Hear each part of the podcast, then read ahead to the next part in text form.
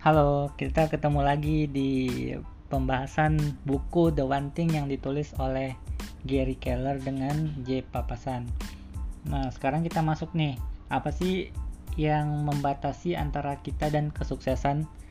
Itu ada enam katanya. Yang pertama itu everything matters equally. Jadi semua hal itu mattersnya sama gitu.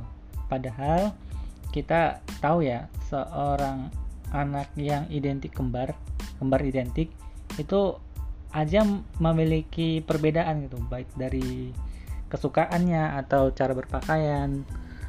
Meskipun mereka dibesarkan di lingkungan yang sama gitu. Jadi anak yang identik kembar aja ada perbedaannya. Apalagi uh, sesuatu atau pekerjaan yang kita lakukan to do list kita itu pasti punya namanya prioritas gitu. Punya hal yang membedakan. Mana sih yang penting yang matters mana yang not matters gitu atau yang sekedar kita kerjakan aja uh, dan hanya sekedar selesai itu oke okay, nggak ada masalah atau yang bisa kita tunda jadi uh, everything matters equally is a lie gitu. jadi kita terbiasa membuat yang namanya to do list gitu setiap hari kita buat to do list apa sih yang harus kita lakukan seolah-olah banyak sekali to-do list yang harus kita selesaikan itu menunjukkan akan menuntun kita pada keberhasilan gitu. Padahal nggak kayak gitu juga gitu. Gitu kan uh, ada hal-hal tersendiri yang yang akan membuat kita sukses gitu. Nah jadi ada si namanya Pareto gitu.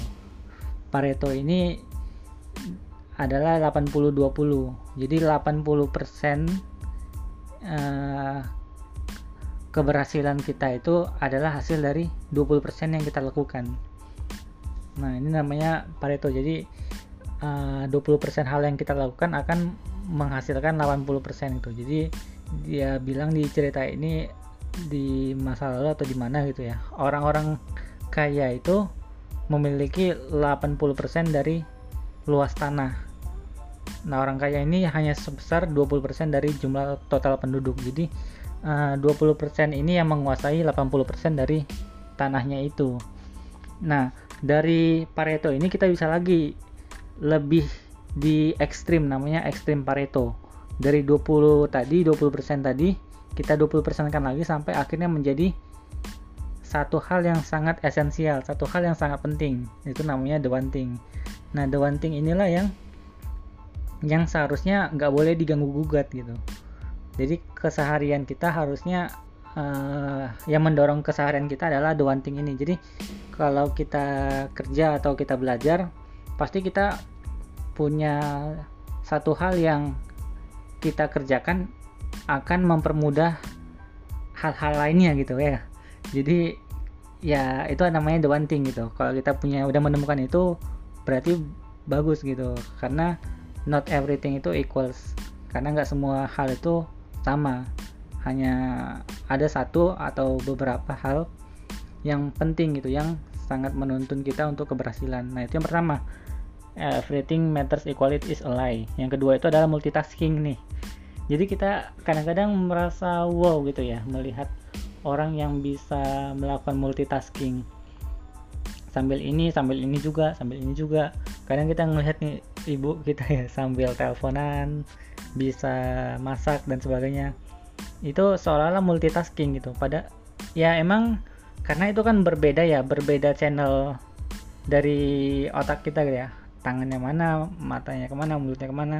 Nah tapi kalau multitasking yang kita bahas di sini adalah hal yang kita kerjakan yang membutuhkan konsentrasi gitu fokus.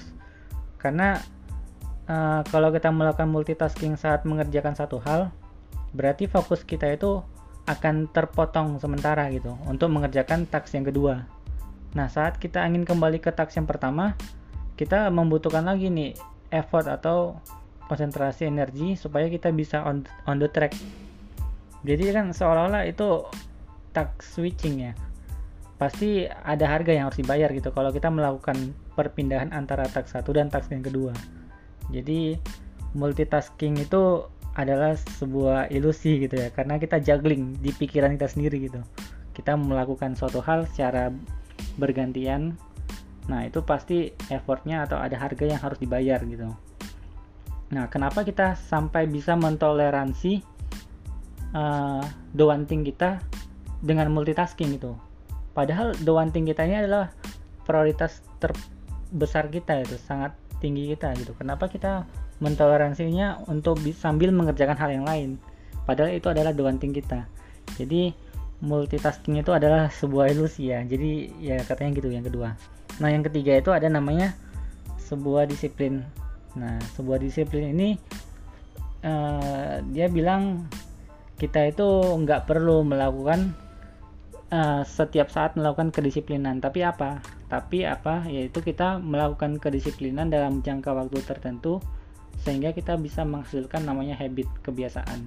Nah dari kebiasaan itulah yang akan uh, mengisi hari-hari kita gitu. Jadi dari kebiasaan itu habit kita akan uh, secara autopilot untuk melakukan hal tersendiri gitu. Jadi dari kebiasaan-kebiasaan baik itu yang akan menuntun kita untuk kesuksesan.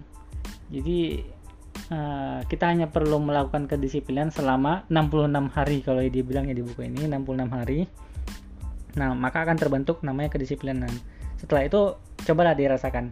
Pasti ada perubahan gitu. Jadi kita saat kita lelah kita akan kembali ke uh, default mode kita. Mode default kita itu apa? Saat kita lelah. Nah itulah kebiasaan yang kita bentuk tadi selama 66 hari dan nggak boleh terputus ya karena itu ada rantainya gitu jadi uh, kita hanya perlu kedisiplinan dalam waktu tertentu untuk membentuk suatu kebiasaan nah dari kebiasaan-kebiasaan itulah yang akan membentuk hari-hari kita sehingga uh, kita akan mengubah bulan-bulan kita, tahun-tahun kita dan akan mengubah kehidupan kita. Jadi aksi yang kita lakukan sekarang uh, eh kesuksesan yang kita akan capai nanti di masa depan itu adalah kebiasaan yang kita bentuk dari sekarang. Nah tadi jadi ada udah tiga yang kita bahas ya, tiga kebohongan atau yang uh, lie yang membatasi antara kita dan kesuksesan. Tadi everything matters equally. Yang kedua itu multitasking. Yang ketiga itu uh, sebuah disiplin life. Nah masih ada tiga lagi nih. Kebohongan apa sih yang yang membatasi antara kesuksesan kita? Itu yang akan kita bahas di pertemuan selanjutnya oke itu aja di sesi kita kali ini. Uh, selamat malam dan sampai jumpa lagi